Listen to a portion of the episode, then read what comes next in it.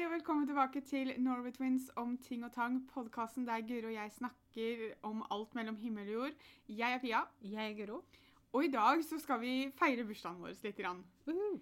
Det er søndag 9. mai når dere hører det her. Det er eh, midten av februar når vi spiller det inn. Men tirsdag 4. mai hadde vi bursdag. Da fylte jeg og Guro 36 år. Så i dag så tenkte vi det at vi skulle oppsummere de 36 siste åra ved å ramse opp 36 ting vi har lært på 36 år. Ja. Og vi kommer ikke til å ta det i noe Det her er helt tilfeldig rekkefølge.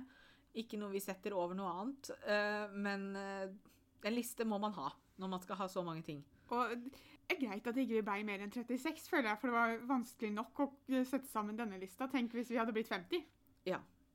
Altså, Vanskelig og vanskelig, men det er liksom sånn OK, hva er det som hva man har lyst til å nevne da i en sånn type ting, uten at det blir bare sånn Ja, jeg har lært å gå.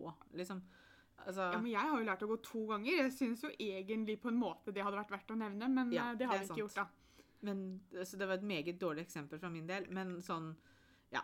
Uansett. Vi, kan, vi hopper rett på i tilfeldig rekkefølge. Først er å kjøre bil. Det gjelder jo stort sett egentlig bare en av oss. Jeg vet ikke helt om jeg vil kalle det stort sett. Det gjelder bare en av oss. Jo, men altså, du kan, du kan kjøre bil, men du har ikke lappen. Hadde det vært helt krise og det hadde vært lovlig, så skulle jeg klart å kjøre. Ja. Eh, Jeg har jo øvelseskjørt med deg mest mens du hadde automatbilen. ja. Og Så- du har øvelseskjørt med Maria. Ja, Maria var jo den første jeg øvelseskjørte med. Mm. Eh, hun var jo den som Hun var den som lærte meg det grunnleggende. Og det er jo nå en del år siden, egentlig. Var du bodde i Halden en eller annen gang? Ja, det var jo Jeg lurer på Jeg lurer på om det var første år i Halden, så 2011. Ja. Eller så var det siste, som da var 2013. Jeg husker ikke. Jeg bare husker at jeg kjørte fra Moss til Halden en gang, og da kjørte vi ikke på E6, vi kjørte bakgatene, så vi brukte jo litt lengre tid, da. Ja, Pia ville ikke kjøre på E6-en, så da ble det masse sånne småveier bakom eh, E6-en kun. Men jeg har øvelseskjørt mest med deg. Ja, men det er jo til, altså ikke tilfeldig, hva heter det? Eh, tilgjengelighet, Ja. kan man jo kalle det. Men jeg tror også det at For jeg skal jo ta lappen. Planen er jo at jeg skal ta lappen. Ja. Eh, og jeg har jo lyst på lappen. Men jeg tror også det at den som det er lettest for meg å kjøre med, er deg. Ikke Ja. bare fordi at vi er mye sammen, men du kjenner meg såpass. Og du vet hvor du kan presse meg litt, og du vet hvor du skal holde tilbake. Og så har du tålmodighet med meg fordi at jeg kan bli Jeg, jeg vil ikke si hysterisk, for da hadde jeg ikke satt meg bak rattet. Det er ikke det jeg mener. Men jeg kan bli veldig Stressa. Ja. Spesielt hvis det kommer biler mot meg. Ja. Eh, Men det var når vi kjørte på Nesveiene, da. Der er det trangt. Jo da, men eh, Pia har lite tro på at uh, veien har plass til to biler. så så Ja, men- det er sånn nesten grøfta. jeg er så vant til å sitte i passasjersetet, og jeg trodde ikke det kom til å ha så mye å si. Men det er overraskende hvor mye de har å si når du plutselig da sitter på førersetet. For du har på, jeg hadde på følelsen at jeg, at jeg kjørte midt i veien, hvis ikke langt over på andre eh, kjørefeltet, fordi at jeg er ikke vant til å sitte på den siden av bilen. Nei, og jeg er jo ikke vant Etter at jeg fikk lappen, så er det ikke veldig ofte jeg kjører Eller ikke kjører sjøl, på en måte. Nei, så du hadde jo på følelsen at jeg kjørte i grøfta Ja, så jeg var sånn Å, grøfta. Eller ikke grøfta, da, men altså, jeg var sånn Å, kanten. Kanten, sa jeg hele tiden. Og så når jeg, men jeg tenker etter, så var det sånn hvor, hvor nærme kanten var vi egentlig? Det var bare det at jeg, det er som du sier, vant til å sitte på førersiden. Så du er vant til å ha mye mer plass. Ja. Eh, jeg var jo heldig Altså, jeg kjørte jo med mange forskjellige Mm. eh, når jeg skulle lære å kjøre bil. Eh, det begynte med bestefar eh, når jeg var altfor ung. Ja. Eh, men da fikk jeg bare kjøre på sånn skogsveier og sånn, da. Opp mot hytta. Så det var jo ingen andre biler der. Eh, men så når jeg ble 16 og kunne lovlig øvelseskjøre, så var det jo også bestefar Mm. som lærte meg. Eh, han satt og leste avisa, da, så jeg vet ikke hvor godt han fulgte med, egentlig. Men altså jeg, Den mannen var mer rolig enn han hadde gått av. Altså. Altså, jeg krasja aldri, eh, og var aldri i nærheten av det heller, så han stolte på meg at jeg kunne det jeg drev med. Det, Han fulgte nok med òg, men han Ja da. det bare så ikke sånn ut. Eh, og så var jeg jo heldig og fikk kjøre en del sammen med en som jeg jobba sammen med på Meny på Mossporten. mm. Eh, det ble en del langkjøring, og det lærte meg jo mye. Eh, og så kjørte jeg litt med mamma. Det var litt stress, føler jeg. Fordi Mm, hun var litt stressa. Jeg er glad i mamma, og mamma er en fantastisk mamma. Ja. Men jeg tror hun er litt for nervøs til å skulle øvelseskjøre med noen. På samme måte som jeg tror jeg, når jeg får lappen, så tror jeg ikke jeg er den man skal gå til hvis man, når sønnen din skal lære seg å kjøre bil. Nei, Så tror jeg ikke 'Å, tante Pia, kan du lære meg?' Nei, jeg tror ikke det. nei, det tror ikke For jeg, jeg tror jeg kommer til å være som mamma, for mamma er veldig sånn Ser du den personen som går der, og så går den personen 400 meter ned i veien, Ja, eh, og satt nesten og holdt i rattet og holdt i brekket, og det var liksom Ser du den der? Ser du den der? Så jeg, ja, men vi har ikke kommet dit ennå. Eh, så eh, kanskje ikke helt. Jeg kjørte også et par ganger med pappa, og det følte ikke jeg var klaff. Eh, Nei, jeg heller kan ikke kjøre med pappa. fordi at Altså, du, du og pappa er veldig like, så der hadde det blitt eksplosjon. Mm. jeg er ikke så lik pappa sånn sett, men følte vel kanskje ikke at pappaen var den mest pedagogiske til å lære bort når det gjaldt det å kjøre bil. Og så kjørte jeg med en annen jeg jobba sammen med på Mossporten en gang. Han, var, han satt bare og maste om at jeg måtte lære meg å bremse på giret. Og jeg bare ja, ja, jeg bremser med pedalen, jeg, men greit. Uh, så jeg hadde masse forskjellige folk som lærte meg å kjøre bil. Men jeg trengte bare å ta oppkjøringa én gang. Teorien derimot måtte jeg ta Nei, jeg sto på andre gangen. Mm. Men uh, jeg klarte oppkjøringa første gangen. Og Jeg det- husker veldig godt dagen du fikk lappen. mm, For hun kollegaen som hadde kjørt mest med deg, da, som vi Mm. egentlig kan si at var hun som lærte deg mest, Ja, klart. hun kom til meg, for du hadde oppkjøring veldig tidlig, så hun kom til meg, og så spiste vi frokost sammen, for vi skulle overraske deg, for du visste jo ikke at vi var sammen. Eh, og så skulle vi da møte opp, eh, så vi kunne overraske deg når du var ferdig med, med oppkjøringa. Jeg husker det var veldig rart, for at vi hadde jo oppkjøring rett ved der vi bodde, si, for den trafikkstasjonen, si, eller hva det heter for noe, hvor du liksom starta og avslutta oppkjøringa, ligger jo rett ned veien her. Ja. Um, så jeg husker vi avslutta der. Og så sier han kjørelæreren ja, du blir med opp på kjøreskolen igjen. Og så jeg bare ja, ja. For jeg tenkte kanskje det var et eller annet jeg måtte skrive under på. eller et eller annet sånt. Mm. Uh, og så kjørte vi da opp der, og da var det han som kjørte bilen, husker jeg. Og så kom vi opp der, og så bare sånn Ja, tusen takk, Guro, det var kjempeflott, og sånn og sånn. Og så ha det. Og jeg bare Hva skulle jeg hit for, da? Hvis du likevel bare skulle si ha det til meg, liksom. ja, Jeg var jo nesten hjemme, liksom. vi møtte deg jo på um, av et kulturhus der. Ja. Fordi at da var jeg jo plutselig mye lenger unna enn det jeg starta. Mm. Så jeg husker dere kom vel med bilen min, tror jeg. For jeg Vi kjørte jo da hjem Eller vi kjørte jo kollegaen vår hjem Ja, til deg igjen, så hun fikk henta bilen sin, og så begynte jo Mhm. vi å kjøre. For da Det var jo Det var jo mens jeg bodde sammen med eksen min borte i Olavs gate. Ja. Så det var liksom sånn Jeg husker jeg syntes det var så merkelig at jeg måtte være med opp på den kjøreskolen for å si ha det. Jeg kunne jo sagt ha det der og da. Kanskje han trodde det at du visste hvor du bodde hen, da? Ja, vi hadde jo snakka mye om det, Okay. sånn sett. Ja, men eh, uansett, det er ikke store greiene, men sånn er det. Ja. Uh, nei da. Men, eh, og etter det så har jeg kjørt så fint, så. Ting nummer to, hvis ikke du har noe snilt eller pent å si, hold kjeft. Det er det vel mamma som har printa inn i hodet på oss. Det er filosofien til mamma. Og jeg føler også at det er en filosofi som vi burde snakke om mer nå om dagen. For mm Mhm. det er veldig mange som ikke lever etter den filosofien, da. Yep. Eh, som, som lever av motsatt. At hvis man ikke har noe stygt og, eller fælt å si, så skal man holde kjeft om det. Mhm. At det er så mye lettere å kritisere enn å gi et kompliment eller si noe pent eller snilt til folk. Da. Internett og sosiale medier har jo gjort det veldig lett å si meningene sine. Og Ja. meningene sine skal man si, men det er, tingen er at jeg, jeg, jeg, jeg reagerer når det på en måte går over til netthat og liksom bare for å være slem Altså når man Mm. er slem bare for å være slem. Eh, og spesielt hvis man leser kommentarene under nyhetssaker og sånn, eller Mm. eh, kjendisblader eller noe sånt, da. Så bare sånn Nei, jeg vet ikke hvem disse menneskene er. Så blir jeg sånn Nei, men så da, da, har det, da angår det ikke deg. Altså, Er du ikke interessert, så er du ikke interessert. Du trenger ikke å skrive en stygg kommentar før du går videre. jeg synes det er så morsomt at det har liksom blitt Og det er gjerne generasjonen over oss. Ja, Altså, for det har sånn- blitt en måte for dem å skal fornærme noen på. Jeg, jeg vet si ikke hvem dette mennesket er. Jeg. Ja, og så blir sånn Nei vel. jeg tror ingen kommer til å ta seg nær av at en sånn drittkall eller drittkjerring på internett ikke vet hvem du er, liksom. Nei, for jeg, tror, jeg føler at det er mer sånn generasjonen til mamma. Mm. Som er sånn Hvem er dette? Mm. Jeg vet ikke hvem dette er. Og så bare Ja, sånn, og bare nei fordi vel, de ikke da- vet hvem det er, så er det liksom ikke verdt å skrive om. Nei. Og, men også tenker jeg liksom det at eh, Altså, man kan se Internett gjør jo at man har mange flere tilgjengelig for seg, da, for å kalle det det. Ikke sant? Altså, du har alle som driver med sosiale medier, som legger ut bilder og sånn.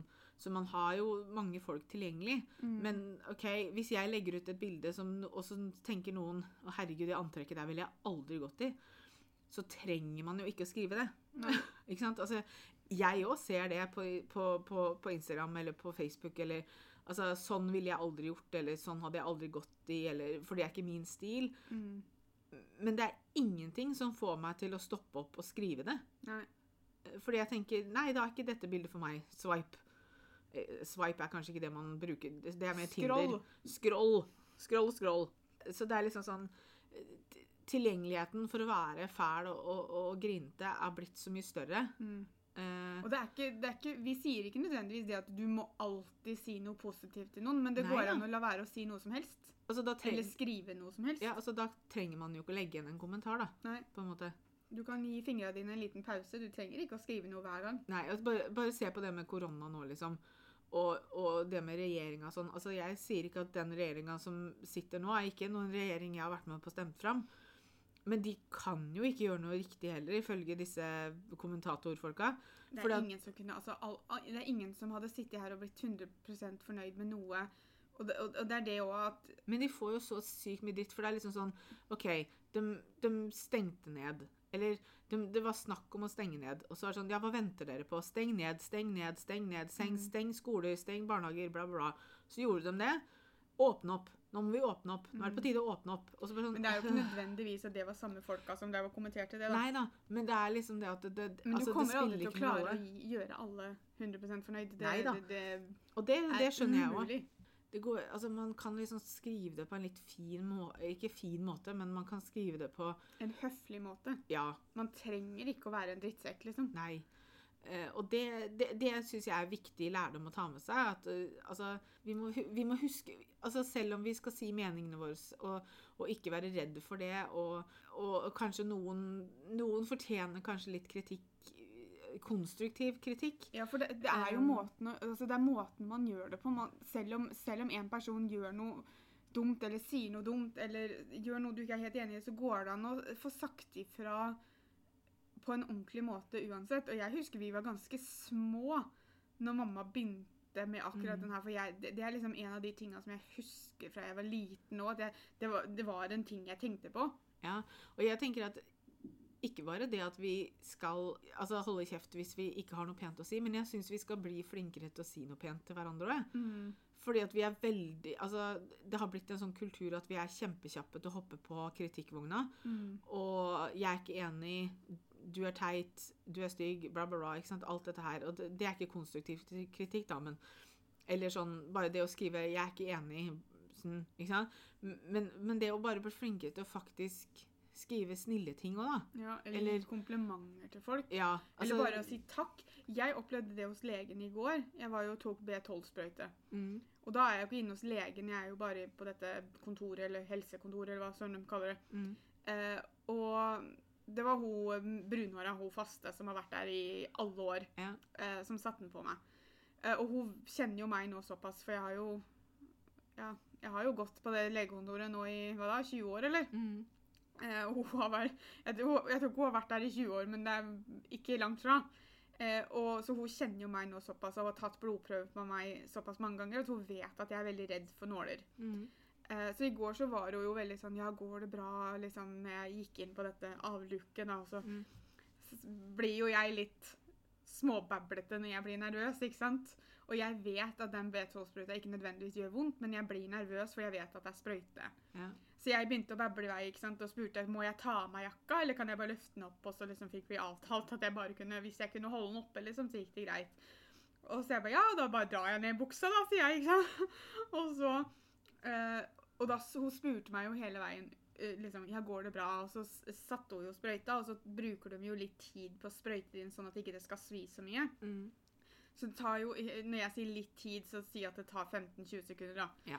Eh, men samtidig, når du står der med en sprøyte i rumpa, så har du på følelsen at du står der i et par minutter. Eh, men mens hun også sprøyter inn, så sier hun ja, det går fortsatt bra, sier hun. Eh, og jeg bare ja, det går helt fint. Og så, så, så, sier hun liksom ja, det er jo jeg vet jo at ikke du syns det er noe moro. Og så sier jeg at nei, men akkurat den B12-sprøyta, jeg gruer meg på forhånd.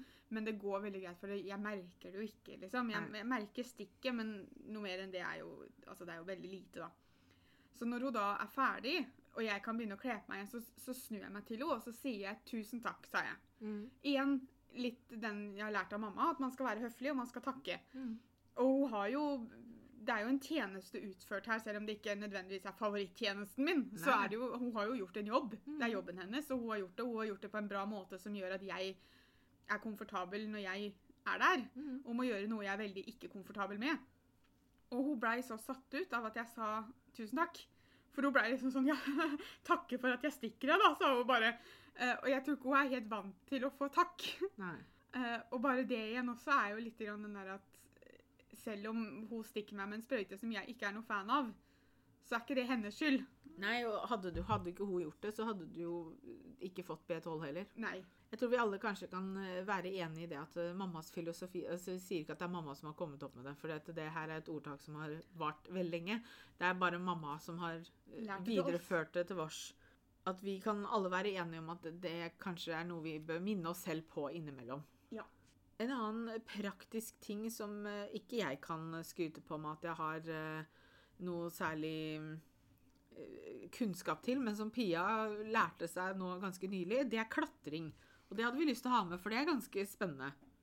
Jeg lærte jo det på Cato-senteret, og, og lærte La oss bruke det litt hvitt begrep her, for jeg, jeg er ikke noe klatremester. Jeg drar ikke på noe fjelltur riktig enda.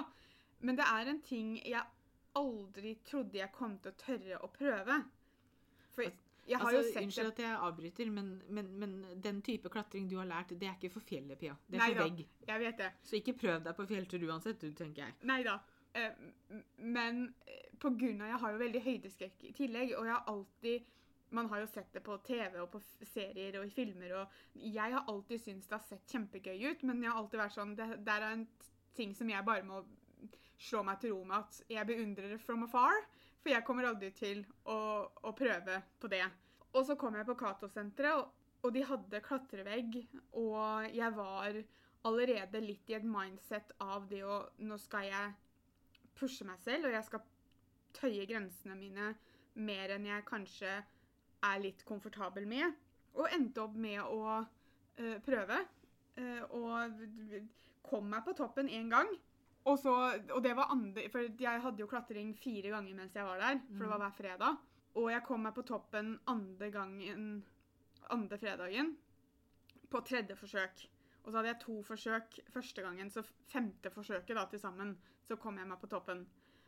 Og det var fire meter, og jeg var kjempefornøyd. Ikke bare fordi at jeg trossa høydeskrekken, men fordi bena mine egentlig ikke helt ville være med meg helt til toppen, men jeg pressa meg sjøl, med en fantastisk heiagjeng i ryggen som sto nede og heia på meg, så kom jeg meg opp på toppen.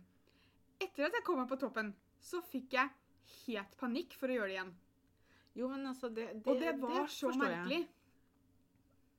Og det var ikke nødvendigvis det at jeg følte at jeg måtte gjøre det igjen, for da hadde jeg faktisk klart det.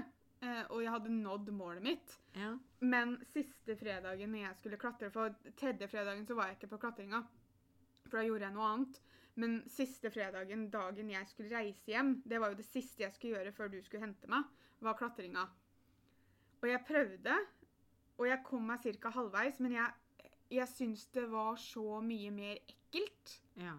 når Men- jeg faktisk hadde klart det. ja, men jeg kan skjønne det, fordi at da vet du hva som venter deg. Og selv om du har høydeskrekk, og selv om du kommer deg opp på fire meter, så betyr ikke det at det er noe komfortabelt. Nei. Sånn at når du da Tanken på å gjøre det igjen For det er kjempeflott at du klarte det, Mm, og, men man presser seg jo utafor komfortsonen sin. Og, det ikke, og derfor, så når du tenkte på å gjøre det igjen, så kan det være at det bare ble sånn Jeg har gjort det én gang, takk, det holder. Ja, og nå, og nå håper jeg jo det at jeg skal inn på et nytt opphold på Cato-senteret, og jeg tror nok jeg kommer til å prøve da også, men det er ikke noe jeg kommer til å presse meg selv til, fordi jeg har klart det.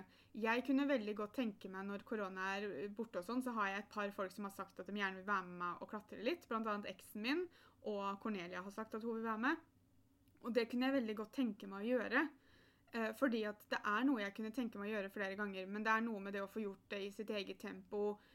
Eh, ja, jeg, jeg tror nok jo, jo mer jeg gjør det, jo mer vant til det kommer jeg til å bli også. Ja. Så det er ikke det at jeg nødvendigvis har lyst til å slutte å gjøre det, men jeg tror nok jeg bare skal legge fra meg det at du må på toppen hver gang. ja, for det er jo Det, ingen som sier det holder med å komme halvveis opp, da. Ja. Det er jo ingen som Altså, man må ikke helt opp hele tiden. Nei. Noen ganger så Jeg- holder det med halvveis. Jeg trenger i hvert fall ikke det. Det bør også være sånn eh, motto man kan ha. Da. Det sånn, trenger ikke å nå toppen hver gang. Noen ganger så holder det med halvveis. Livsmotto å ha. Løsningen er ikke å skjerme mobbeofrene. Og det har vi tatt med fordi at vår eh, Vi har jo vært veldig åpne om det at vi har vært gjennom en del mobbing og sånn på skolen, og eh, Jeg har ikke lyst til å si ellers, men egentlig ellers. Em, og en ting vi ser nå når vi ser tilbake på det som voksne, er jo at vår skole takla det ikke på den aller beste måten. Vi trodde jo det Vi syntes det, det var skjedde. helt greit egentlig når det skjedde, Mm. men som voksne, og når man får litt mer hva skal jeg si, erfaring og, og, og, og lærdom under huden, så, så ser man kanskje at dette ikke var, det, var den beste måten å gjøre det på. Skolen straffa jo egentlig oss. På, på en måte så kan man si det sånn. Fordi at det som skjedde, var at eksempel sånn som Vi hadde sånne prosjektdager, vi, eller prosjekttimer og sånn, hvor vi Det var gjerne siste timene på dagen og sånn, hvor vi jobba i prosjektgrupper, og, og ofte så var det det at du bare skulle gå sammen med en annen og sånn. Og da gikk jo jeg og Pia sammen og jobba sammen som regel. Eh, og da måtte jo lærerne gå liksom fra klasserom til klasserom og rom til rom fordi at vi spredde oss utover og satt og jobba. Eh, og da hadde de ikke kontroll på hva som ble sagt og gjort. Det var jo en gyllen mulighet for mobberne å mobbe. Ja, Fordi lærerne var ikke i klasserommet. nei. Så da fikk jo de muligheten. Så det som som regel skjedde, var at lærerne kom til meg og Pia, og så sa de det at eh, vi vet at dere er veldig flinke til å jobbe og sånn. Har dere lyst til å gå hjem og jobbe? Eh, så vi ble sendt hjem fra skolen på sånne da i sånne timer og sånn. Og på dager, vi hadde jo hele det òg. Ja, for å jobbe, siden vi allerede var oss to, på en måte, Mm. så ble vi da sendt hjem for å jobbe, for at de kunne ikke ha kontroll på alle sammen hele tiden. Og, og det, det, det var dømmes måte å skjerme oss på. Og det, jeg det var jo en drøm da, Ja, fordi vi slapp å være på skolen. Vi slapp å være på skolen sammen med bomberne våre. ja. Men det, altså, du skal ikke straffe mobbeofre ved å sende de hjem, sånn at de går glipp av ting på skolen. Nei. Altså, man skal ikke sende mobberne hjem heller, for det Nei, men man skal ingenting. ta tak i det på en helt Ja. annen måte. Men man ser jo det også nå. Det er jo fortsatt sånn ved mange skoler at det er de som blir mobba, som Må bytte skole. Ja, som på en måte til slutt må ta det steget at de må bytte skole. Men det er jo fordi at det ikke blir gjort nok. Ja da. Og det er ikke det Så det er, jeg sier ikke at det er riktig. Og vi sier heller ikke at man ikke skal beskytte mobbeofre, for det skal man. Man skal Ja, ja, ja. hjelpe og beskytte mobbeofre, men man skal ikke skjerme dem på den måten som jeg og Guro ble skjerma, for det, det var egentlig å straffe oss. Ja. Fordi vi gikk vi fikk, da, da gikk vi jo glipp av det fellesskapet som var på skolen, da. Selv om det var jo ikke så veldig mye felles for oss. Vi hadde jo venner på skolen, vi òg, men vi, vi men- bare var utsatt på skolen fordi at mobberne var der også. Ja. Eh, sånn at eh, Men fordi man ser liksom det at eh, og det, så Derfor så kjenner jeg også på det hver gang jeg leser en sånn sak om at det er et mobbeoffer som da velger å bytte skole. Mm. For da er det jo helt klart noe på den gamle skolen som ikke blir tatt tak i, eller ikke gjort nok. Sånn at et mobbeoffer Og, så, og, det, og det som er så er at det, det er aldri lett å komme inn ny på en skole eller en klasse. Hvor du kanskje har 14 forskjellige klikker og Og det kan jo selvfølgelig være at, at denne personen har valgt det uten å prøve å gjøre noe med noe annet først. At de har bare valgt vet du hva, det her blir lettest for meg. Jeg fjerner Ja. meg selv fra situasjonen. Så det er jo ikke alltid det ikke blir gjort noe med heller. Men, Nei men, men det er bare at eh, Ja. Det, det er en komplisert eh, komplisert situasjon, og vi kommer til å snakke mer om mobbing på podkasten, så dette er absolutt noe vi kommer til å eh, ta opp igjen. Fordi at det er det må, det må gjøres mer med. Du vet at Guro mener alvor når hun liksom Når hun virkelig legger trøkk på D-en. Når hun tar med D-en i med. Omsorg. Det også føler jeg at vi kan takke foreldre for, uh, må jeg si. Mm. Uh, mamma er en veldig omsorgsperson. Mm. Og det har jeg på en måte vi sett gjennom hele livet. Og pappa er også en veldig omsorgsperson, men han viser det på en helt annen måte enn det mamma gjør. Jeg tror du må Du må vite litt om pappa for å skjønne hvor omsorgsfull han er. Ja. For innimellom så kan han kanskje virke ikke, ikke for oss, men sett utenifra, Mm. så kan han kanskje virke veldig streng og morsk og nesten kanskje litt avvisende. Mm. Uh, men så, vidt, så fort du kjenner den lite grann og vet litt om den, så, så innser du hvor omsorgsfull han også er. Ja. Så, men, men jeg vil helt si at eh, Det har jo smitta over på oss. Ja. Og vi det, er jo en av de tinga som jeg vet om meg selv, og som jeg Mm. klarer å innrømme om meg selv, er jo at jeg er en omsorgsfull person. Ja.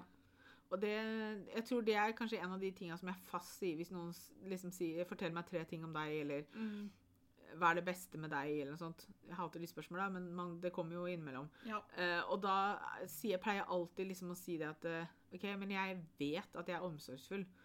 uh, så det kan jeg i hvert fall si. Mm. Så, men det er også en sånn ting som jeg føler at man må faktisk lære seg. For jeg tror ikke alle er født med den omsorgsfulle greia. Nei. Litt i samme gate er det med samarbeid. Jeg føler at jeg jobber veldig godt sammen med alle slags mennesker. Og du vil alltid møte noen som du jobber bedre med enn andre. Eh, Du vil møte på folk som du kanskje ikke har lyst til å samarbeide med, men som du på en måte blir satt i en situasjon at man må. Veldig ofte med jobb eller skole. Ja. Og jeg er en sånn type person, og det føler jeg at du er òg, at Mm. vi tilpasser oss veldig situasjonen vi er i. Eh, og så gjør vi det som er forventa, på en måte. Jeg er veldig konfliktsky, og jeg tror det går inn i det.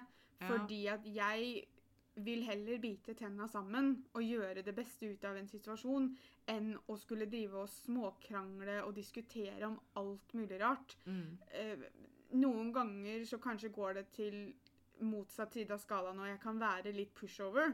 Mm.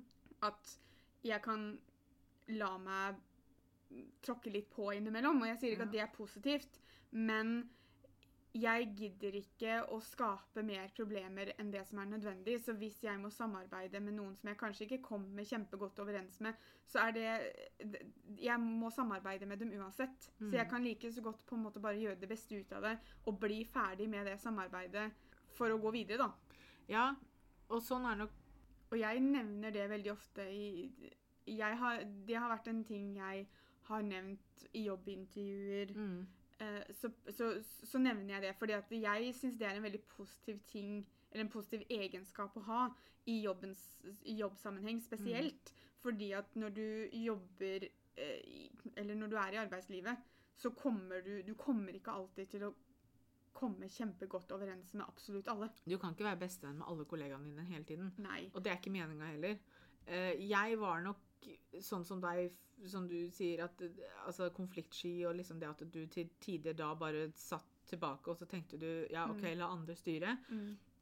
Der har nok jeg for, forandra meg ganske mye. Mm. Eh, jeg vil ikke kalle meg sjøl konfliktsky, for jeg er ikke noe redd for å si ifra. Eh, Nei, du er mye tøffere enn meg der. Og hvis man skal jobbe med noe, så er jeg ikke redd for at, å si ideer eller komme med forslag. Eller, men det er ikke det at jeg sier at vi må gjøre det på min måte. Nei. Men jeg er ikke noe redd for å si ifra at hadde det ikke vært bedre kanskje å gjøre det sånn? Mm. Og så kan man ta en diskusjon på det. Og så er jeg ikke lei på å gi meg. Hvis jeg tenker at vet du hva, nei, faktisk din måte var mye bedre. Jeg har, Um, jeg har blitt litt tøffere i jobben jeg har nå. Ja.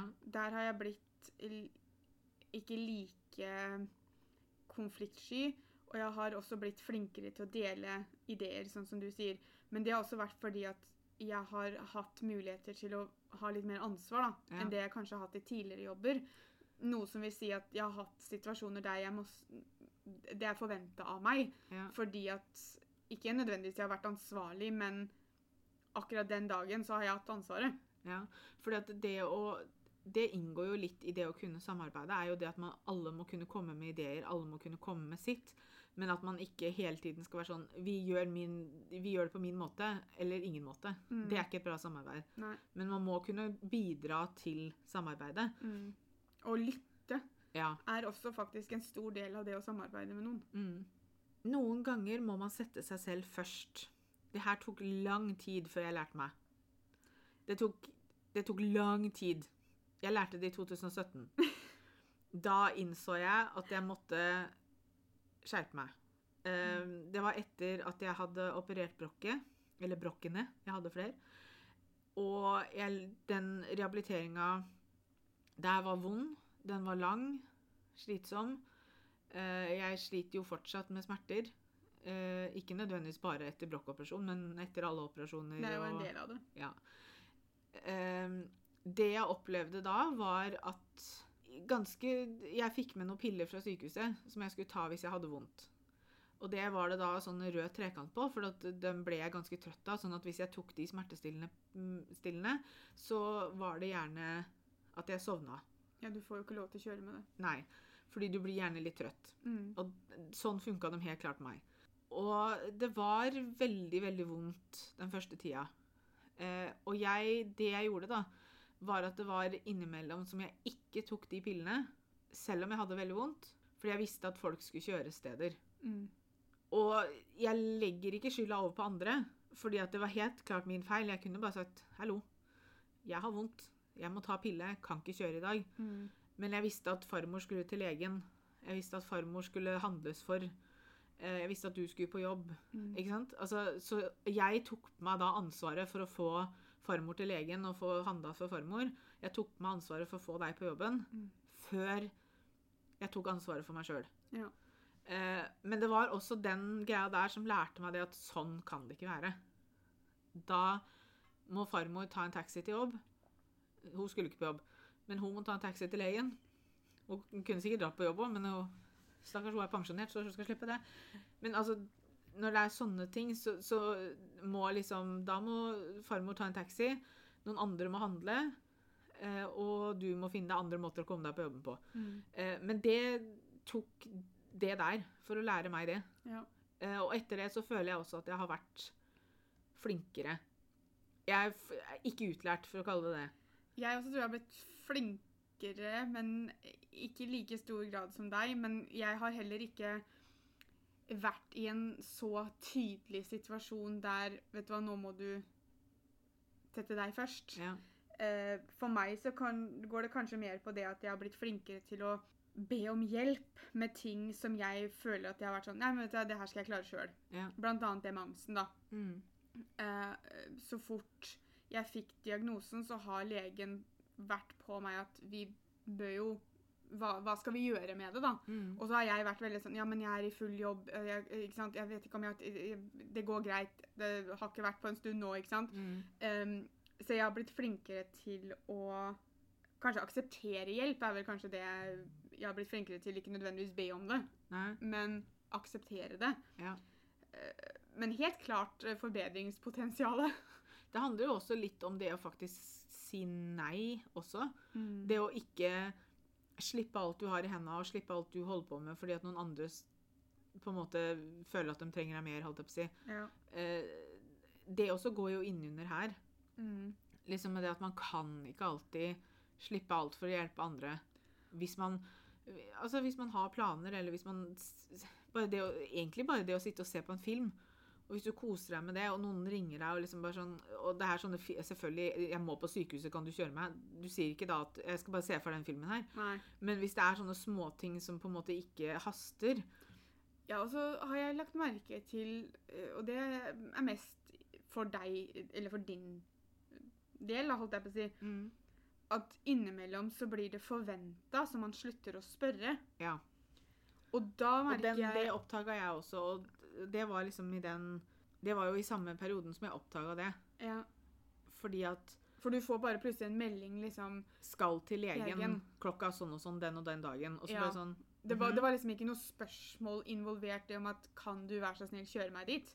Eller litt mer den der at og jeg har dette jeg må gjøre, men så, så, så legger man inn en vien, og så blir det sånn Vi må gjøre det. Ja. Og så blir det sånn Ja, men du har faktisk ikke spurt meg om hjelp til det. Skal Nei. vi kanskje gjøre det først? ja.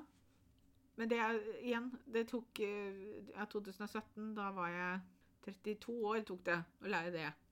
Og så har jeg bare lært mer og mer. Jeg lærer, men jeg er fortsatt ikke liksom Jeg er ikke flink nok til å si nei allikevel, syns jeg, men greit. Noen ting tar lengre tid å bygge opp enn å bryte ned. Hva sier du, Pia? Ja um, Hovedsakelig her så tenkte vi jo kanskje på det med, med, med bena mine, men vi formulerte det på den måten fordi det kan gjelde mye, uh, mye forskjellig. Mm. Uh, vi kan jo bare snakke ut fra vår egen erfaring. Uh, jeg har det med musklene i bena mine som jeg fortsatt jobber med. Men du har også selvtillit. Mm. Og selvtillit blir fort brytet ned når du blir mobba. Selvbildet ditt blir veldig fort brytet ned.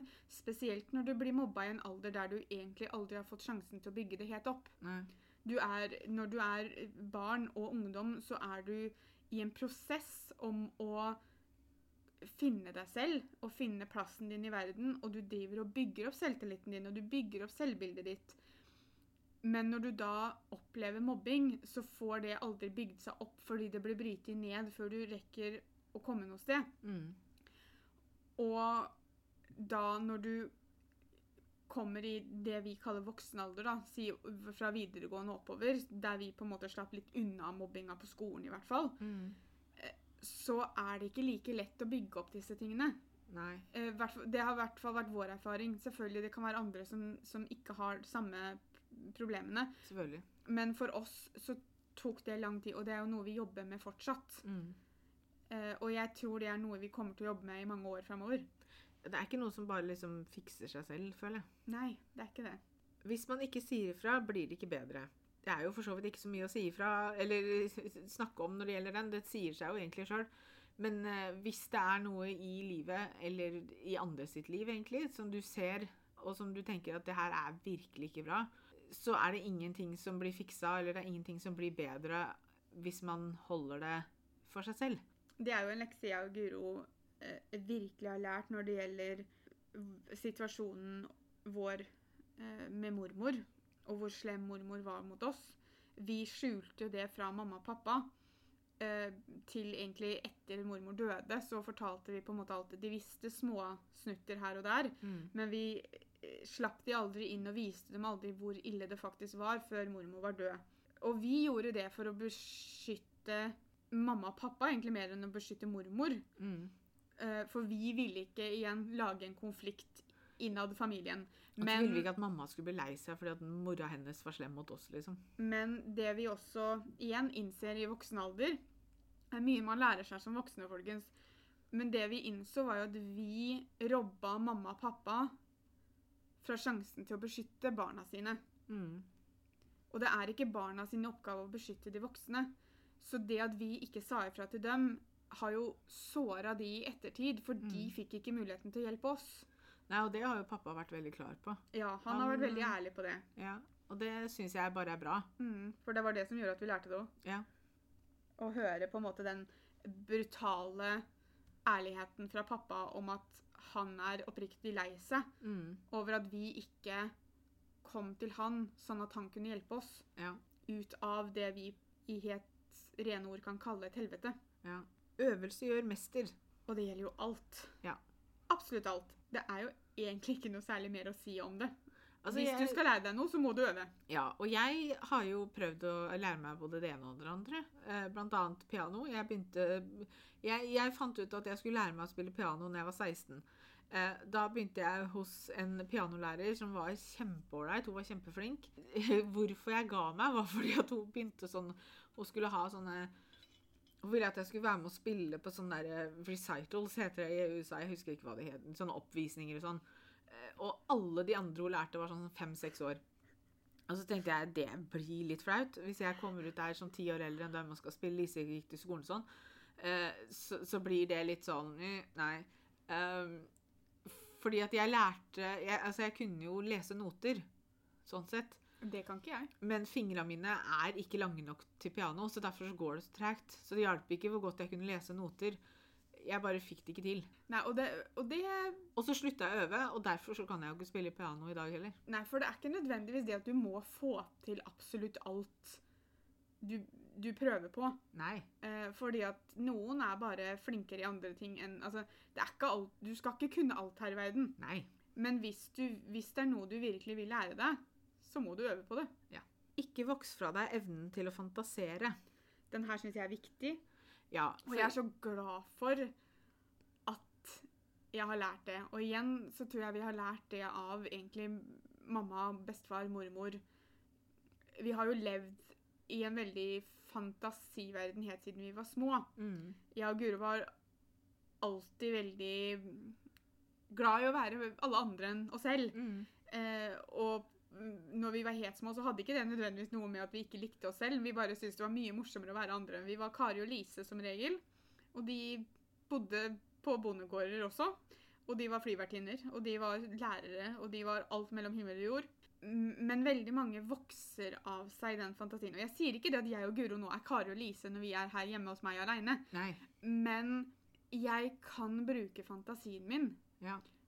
og det kommer jo med Altså, det utløpet jeg får for det i dag, er jo YouTube, podkast. Mm. Eh, men det er også måten jeg leser bøker på. Ja. At jeg klarer å forflytte meg litt inn i boka. Det er også måten man liksom, Når man ser på film og når man ser på Mhm. TV-serier, sånn, så blir man så sykt investert. fordi du, Det er nesten så du er der sammen med dem. Ja.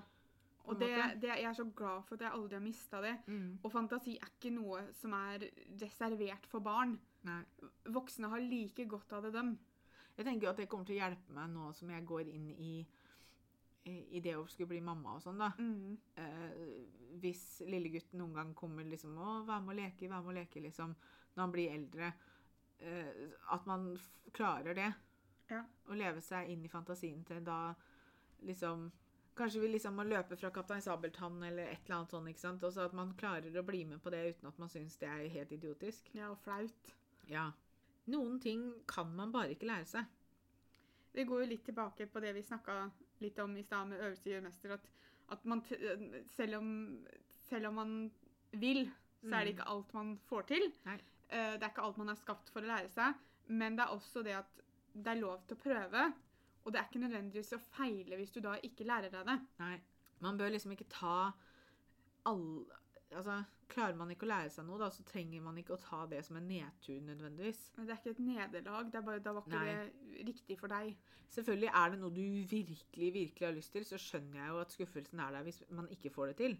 Men prøv heller da å finne noe nytt. Eller så kommer denne øvelsen gjør mester inn at hvis det er noe du virkelig, virkelig vil, så må det, kan det hende du må legge ned år før du faktisk får det til. Men Jo da, men man skal også ikke ta det så hardt da hvis man ikke får det til. Det er kanskje det som er hele greia her, at man bør på en måte ikke grave seg helt ned i kjelleren hvis ikke det går. Man er som regel sterkere enn man tror. Det her føler jeg også er noe Pia har lært seg i det siste. Jeg lærte det i 2020. Jeg tror også mange lærte tålmodighet i 2020. Eh, men det jeg har lært, eh, er at man er ikke alltid klar over alle egenskapene man har. Nei. Fordi det er mye som ikke nødvendigvis kommer fram, eller som er nødvendig i hverdagen.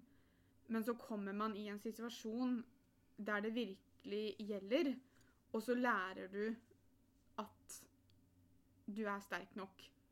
Ja. Og det, det, det skjedde meg når jeg ble syk i 2020.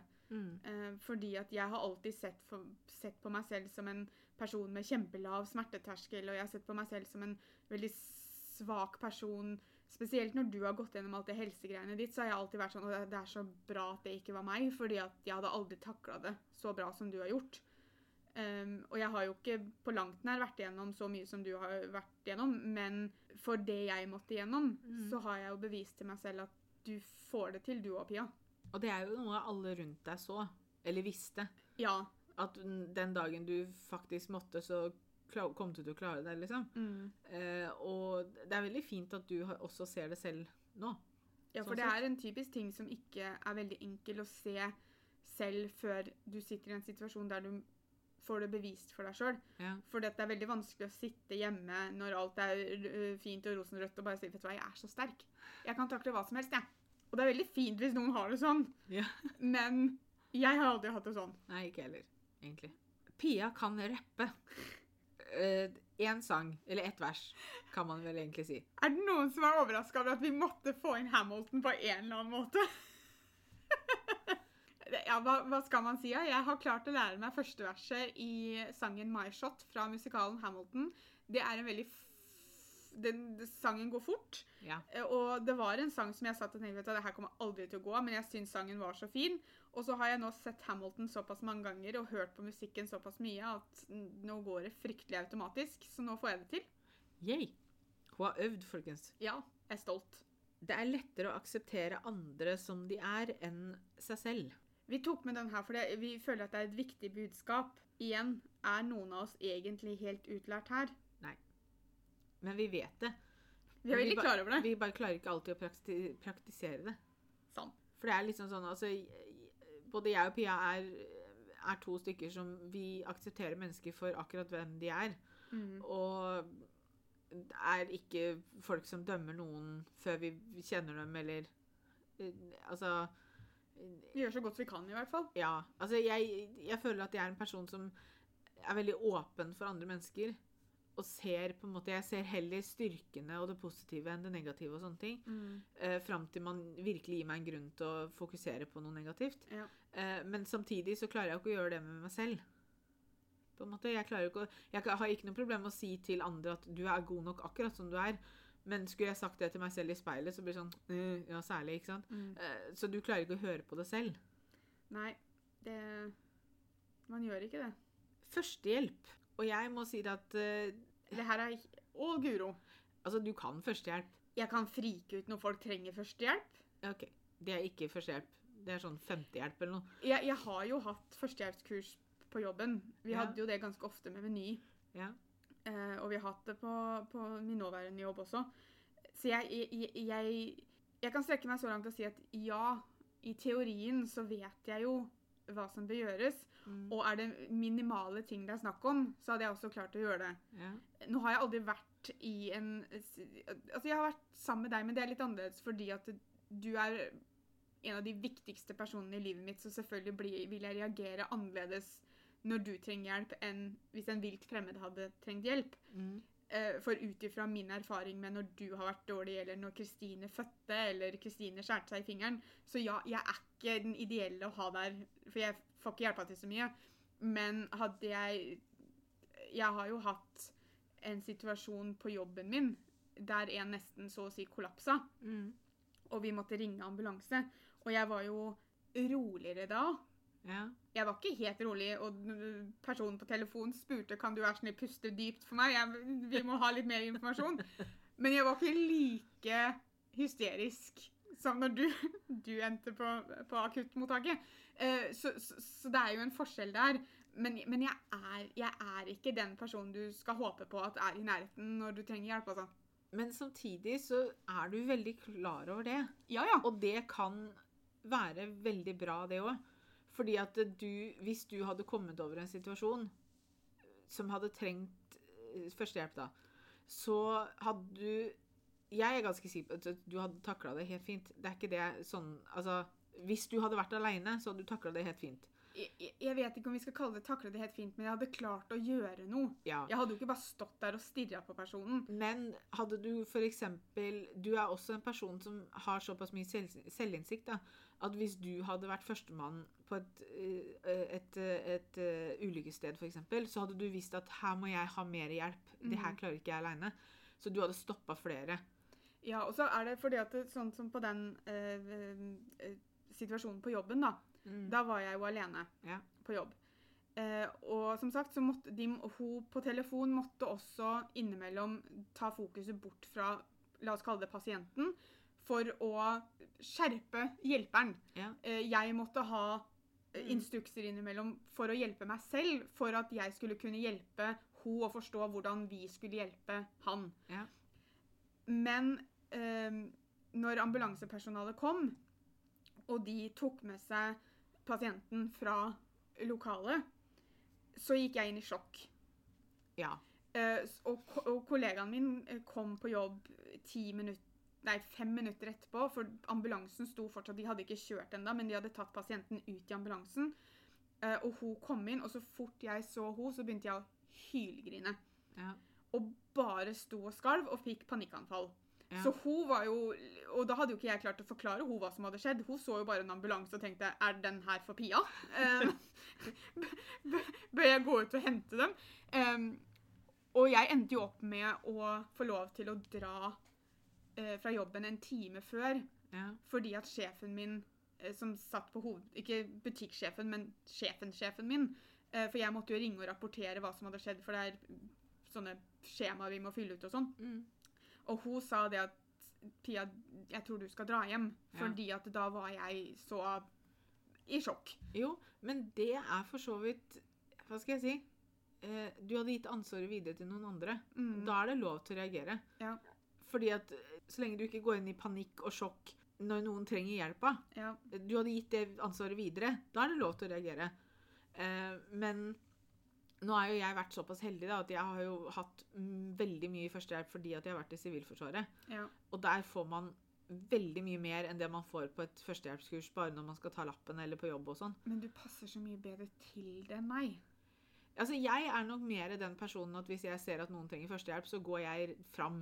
Ja, for jeg føler meg veldig trygg på det fordi at jeg har hatt såpass mye trening, da. Ja, og det kan nok godt hende at jeg hadde klart å være roligere hadde jeg hatt like mye trening i det som du har, da. Ja. Men jeg helt ærlig, og jeg sier ikke dette her bare for at jeg tror jeg er en sånn hysterisk person. Jeg bare tror ikke jeg passer til det. Altså, nå har jo jeg sett deg i Du får lov til å være Det er jo ikke noe tvil. Nei, altså jeg har jo sett deg da når ting har skjedd med meg. Eh, og, og har jo vært ganske takknemlig for at det har vært andre folk der òg, på en måte. Altså, den gangen du fikk nyrestein når du lå over doen og kasta opp for du hadde så vondt, og jeg ringte legevakta, så endte det jo opp med at legevakta ba om å få, be om, altså, de ba jo om å få snakke med deg, for de fikk jo ikke noe ut av meg. Nei, men du fløy jo som en sånn Duracell-kanin fram og tilbake i gangen her. Jeg lå, lå jo over doen og spydde fordi jeg hadde så vondt, og så så jeg bare deg som føk sånn fram og tilbake i gangen og prøvde å snakke med legevakta. Men igjen, vi visste jo ikke at det var nyrestein da, da, så Nei, nei. da var det jo plutselig bare at du hadde så vondt i et eller annet at du Ja. altså, ikke sant? Og det var jo den ene gangen som du var med meg til Kalnes og når jeg hadde brokk, navlebrokket. Ja, da var det veldig fint at Petter var der. Ja, for da var du og Petter med. Mm. Og, og, og du står liksom borti et hjørne. Ja, for jeg husker ikke hvorfor jeg endte opp med å bli med.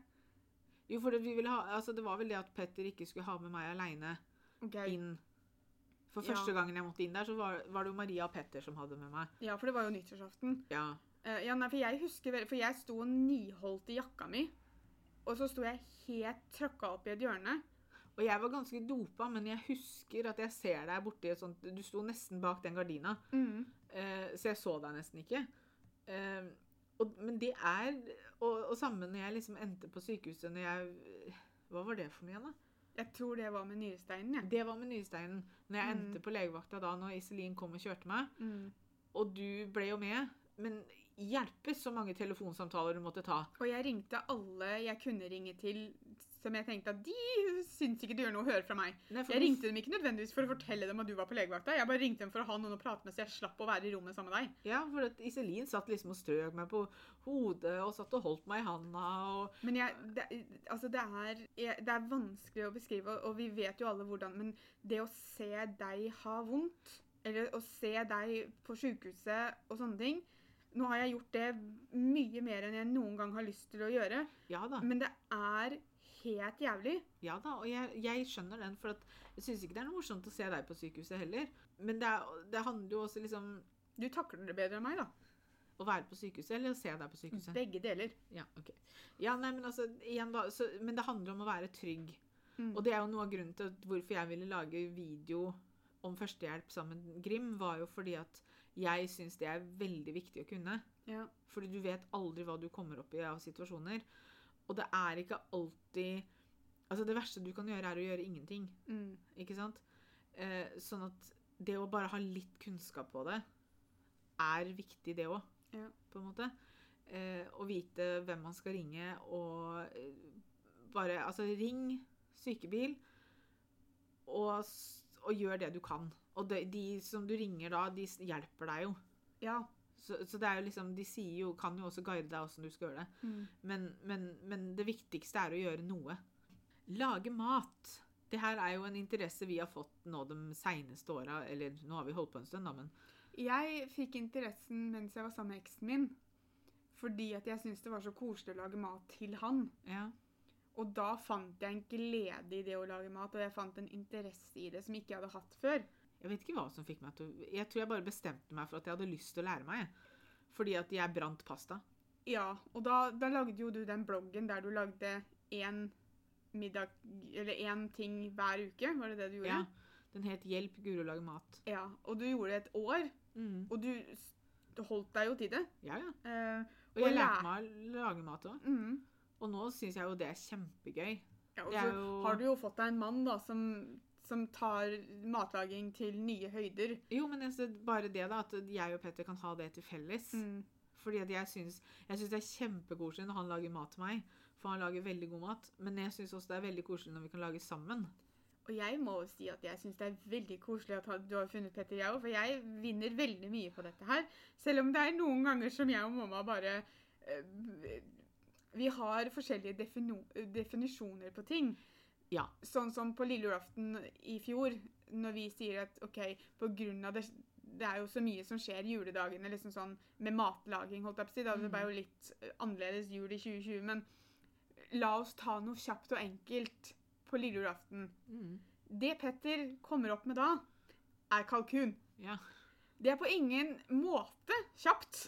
Eller enkelt, syns jeg, da. Men det, det var kjapt og enkelt. Så på lille julaften så spiste vi kalkun. Altså, jeg husker første gangen jeg sov hos Petter etter at vi ble sammen. Ja, Var det da han skulle slenge sammen noe? Ja, Så hadde vi vært ute og gått tur, og så sier han det at 'har du lyst til å bli til middag'? Så sa jeg det var veldig hyggelig. Eh, vi kan jo bare lage noe kjapt, liksom, sier jeg. ikke sant? Han bare 'ja, jeg, jeg bare slenger sammen noe'. Og, og, og når jeg, på den tiden, da når jeg skulle slenge sammen noe, så var det spagetti og kjøttdeig med ketsjup. Mhm. Eh, men jeg fikk noe sånn derre Altså, det var stekt andebryst med wok og grønn... Jeg liksom bare Det her er ikke å slenge sammen noe, liksom. Det her er sånn man får på restaurant.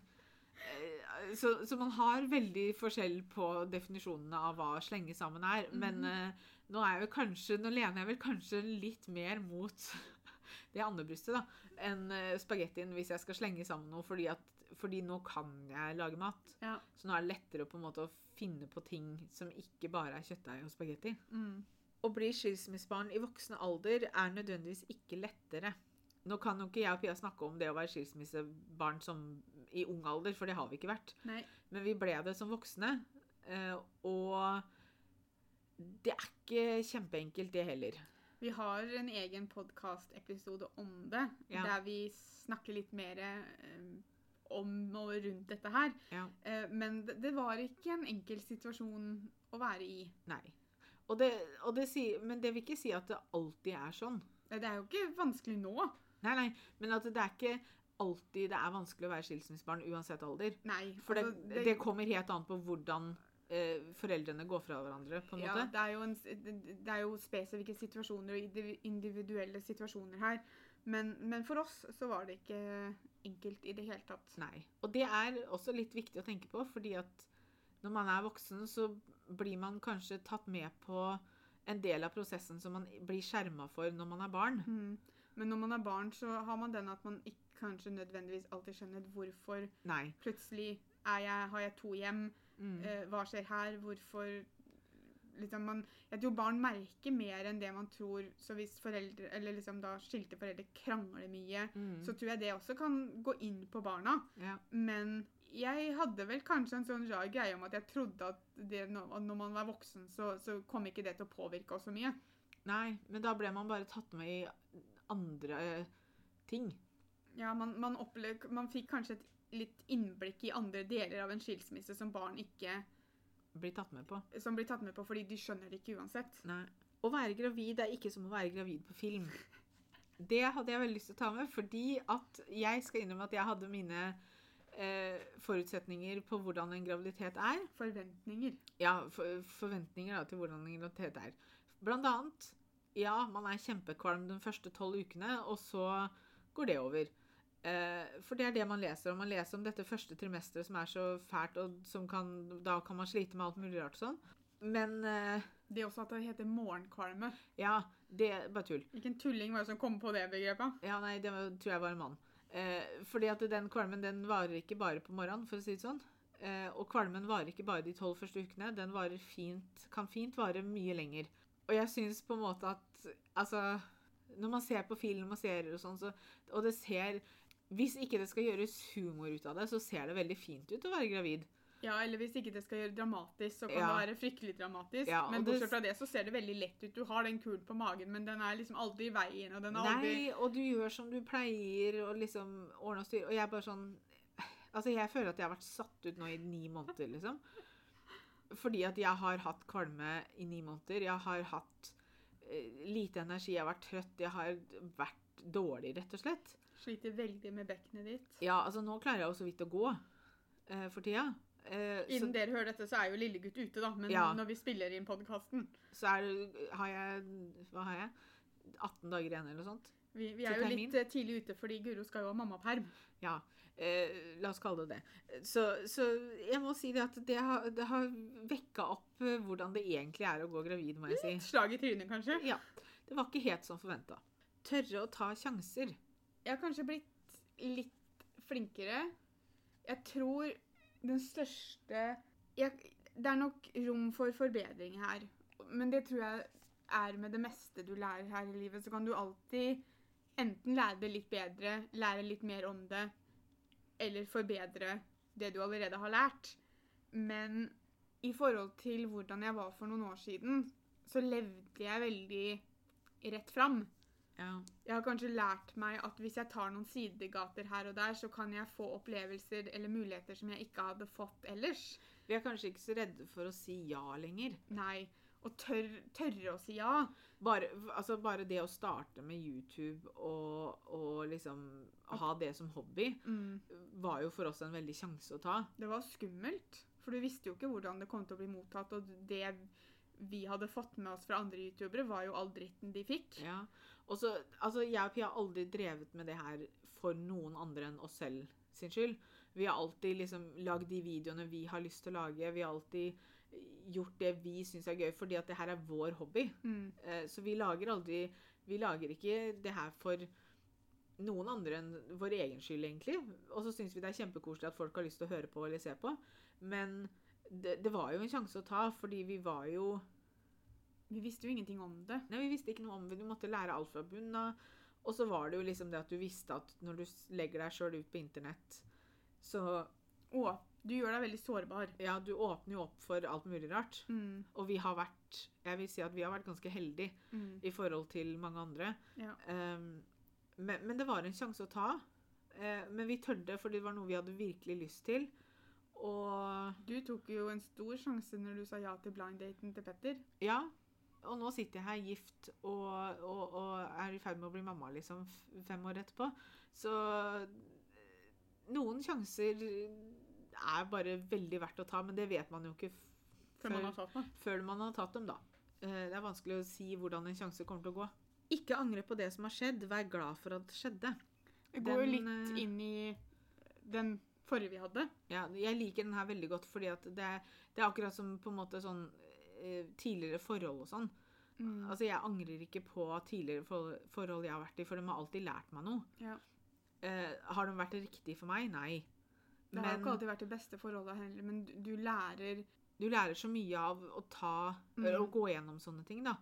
Og det gjelder jo mye, ikke sant. Altså, hadde man eh, hadde man begynt i en jobb man ikke trivdes i, så, så, så skal man ikke angre på det. Man skal heller se på det at ok, men da lærte jeg at jeg faktisk ikke trives i en sånn jobb. mm. Eller altså Ja. Og så det, jeg føler at det her kan på en måte settes på så mye i livet, da. Ja, for du, du, du Som regel så lærer du noe av positive opplevelser og negative opplevelser. Men så lenge du kan kanskje da heller fokusere på hva du har lært av situasjonen, enn å fokusere på at jeg skulle ønske det her aldri skjedde. For det blir veldig negativt. ja. Men hvis man prøver å snu det til at vet, du, ja, men dette var en negativ situasjon, men jeg lærte sånn og sånn, Mm. og så kan man heller sitte igjen med litt mer positivt, da. Og det går litt inn i neste punkt også, som er det å Eller det at man alltid vil gjøre noen feil, men at man da kan lære av det isteden. Ja. Det er ingen som går gjennom livet uten å ta noen feil valg eller gjøre noe feil. Men det er det å heller eie de feilene og lære av dem, istedenfor at man Og prøve å rette opp de du kan rette opp, men, men det er lov til å gjøre feil. Ja.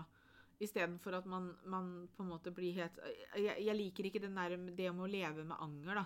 Mm. Jeg liker ikke tanken på det. Du trenger ikke å være perfekt. Nei.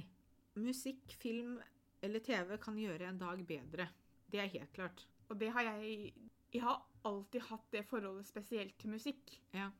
For jeg kan huske fra jeg var ganske ung, og gikk gjennom dette med mobbinga og kom hjem fra skolen og bare satte meg ned og hørte på Backstreet Boys eller Spice Girls eller på en måte å, å kunne fokusere på eh, musikken og en sang Hvis det er den rette sangen, så kan den få deg i godt humør uansett. Det kan Mm. få deg til å få lyst til å danse uansett. Eller du har sanger som kan få deg til å gråte fordi den bare treffer hjertet ditt så ekstremt at du nesten mister pusten.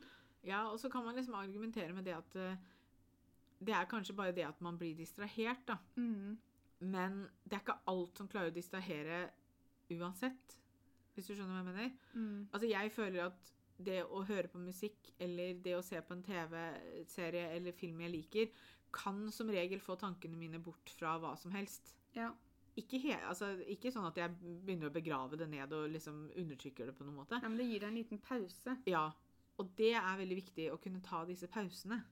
Jeg bruker veldig ofte serier og filmer bare hvis jeg har lyst til å bare koble ut litt. For du Eh, må ikke tenke så mye. Nei, og Hvis koble ut på sånne- og kable ut bare verden lite grann, og så Ja. sette seg ned og så bli totalt oppslukt av en serie eller en film. Og da, det kan være serier og filmer jeg har sett utallige ganger før. Men da samtidig så vet du at de kan gjøre det for deg, da, så da Mm. er det jo liksom Da er det jo veldig bra å bruke dem. Ja. Drømmer er viktige. Helt klart. Man skal ha drømmer. Man kommer ikke til å klare å oppnå alle drømmene sine. Noen klarer kanskje det. Ikke alle. Men det er fortsatt viktig å ha dem, syns jeg. Ja, så vil du ha drømmer i forskjellige grader. Noen er liksom livsdrømmer, Ja. f.eks. det å bli mamma. Men så har du også det at jeg har veldig lyst til å oppleve Westlife i konsert, ikke sant? ja. Eh, et veldig gammelt eksempel, men, men I'll run with it. Eh, så så du, du har jo mange smådrømmer også, ikke bare disse store. Mm. Eh, og som du sier, at man trenger ikke å få alle oppli- oppfylt, Nei. men det er veldig viktig å ha dem. Altså Noen ganger så holder det jo bare det med å jobbe mot en drøm. på en Mm. måte. Usynlige ting kan gjøre ting vanskelig. Eh, og det jeg mener med det, er Jeg har nå i mange år slitt med ting som ikke folk kan se. Det er ingen Mm, som kan se Sykdom og skader. ja, det er ingen som kan se på meg og si å ja, du, du sliter veldig med magen din, for der er det operert mye, så der har du mye vondt. Det er ingen som kan se det på meg. Nei. Det må jeg si.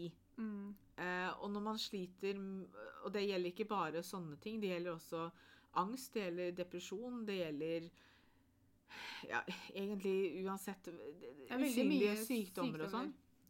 Eh, som kan være en veldig utfordring, fordi at det vil alltid være folk utenfra som blir sånn Men du ser ikke syk ut. Nei. Eh, og, og Eller så ser de deg på Mossporten, og så er det sånn Ja, hun kan jo umulig være syk, for hun er jo på Mossporten. Ja. Eh, hvis man er deprimert, da, og, og, og ser en person smile, så er det sånn Er du deprimert, da? Du ler jo, liksom. Mm. Du smiler. Da har du det bra, da. Da går det bedre. Det er veldig mye dømmende folk innimellom. Ja, men at Og jeg, Og uvitende folk. men jeg skjønner jo det også, på en måte. Fordi at Hvis man du aldri har vært i situasjonen selv, der du har hatt noe usynlig Nei da. Men det er ikke bare det. Men når du ser et menneske, så ser du bare overflaten. Så det er vanskelig å vite Ja, men Det er vanskelig å vite, men du, du skal vite at alt du ser, er ikke alt som foregår. Nei, nei, selvfølgelig Og det ikke. går, Og an sier ikke det at går an å tenke lenger enn nesetippen og huske på det. Ja da, men det er det ikke alle som klarer. Nei, og det Og derfor så det, det, det syns jeg er rart at ikke vi har kommet lenger enn dit. Ja da, men, men derfor så er det Det gjør det også veldig komplisert for de som har noe usynlig, da. Ja, absolutt. Fordi man må hele tiden forklare det, eller man må hele tiden fortelle at ja, men du skjønner det at jeg har Ikke sant? Og fordi det er La oss kalle det usynlig, så kan man heller ikke bevise det til noen. Eh, som også kan gjøre det vanskelig. Eh, For man blir ikke trodd på, eller man Ja, altså eh, Det er, det er Man blir dømt. Ja. Og det, det er veldig synd. Nordmenn er ikke alltid født med ski på beina. Der Pia og jeg er prakteksempel én og to her. Ja, herregud. Eh, Vi, Jeg vet ikke om man sier det så mye lenger nå, men det var noe som man sa veldig mye når vi var små. Ja. Uh, og Nei, altså, jeg tror ikke jeg ble født med skia i rommet engang, jeg altså. Nei.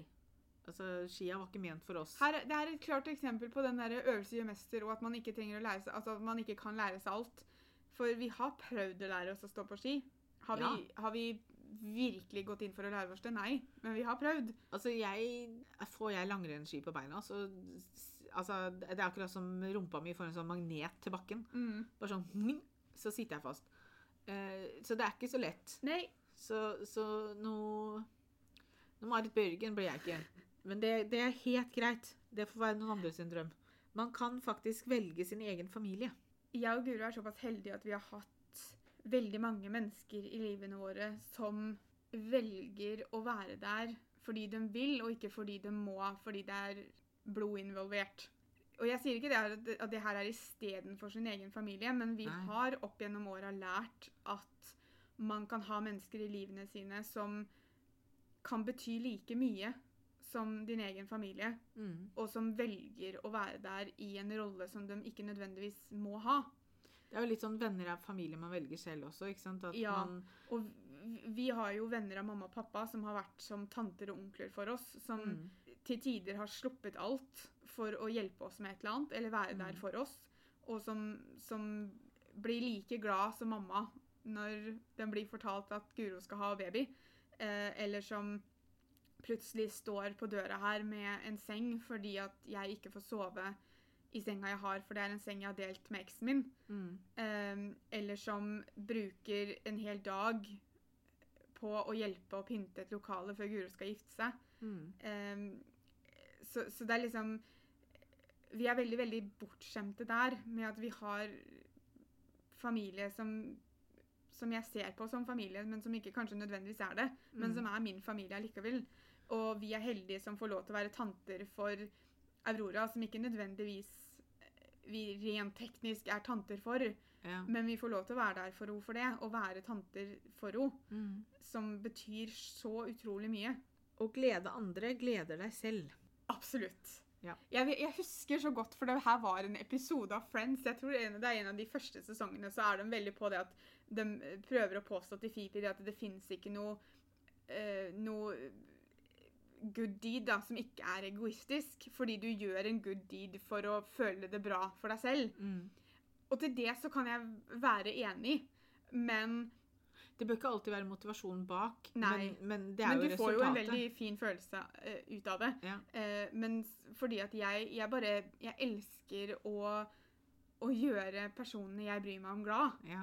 Og det bør ikke være store ting. Det kan være å bake noe til dem hvis du skal på besøk. Eller det kan være å sende frokost på døra. Mm. Eh, bare for å minne dem på at vi, vi er her og vi tenker på deg. Eh, for da, når man får en melding tilbake og bare sier tusen takk, liksom, så, så, så gjør det dagen din. Fordi Ja. at du vet at nå har du gjort noe for noen andre som, som har hatt den effekten du håpa på. Men jeg gjør det jo ikke for min egen del, men det gir jo meg masse tilbake. Ja. Se mennesker. Der er nok eh, Altså, jeg er veldig sånn Jeg ser mennesker først før situasjoner.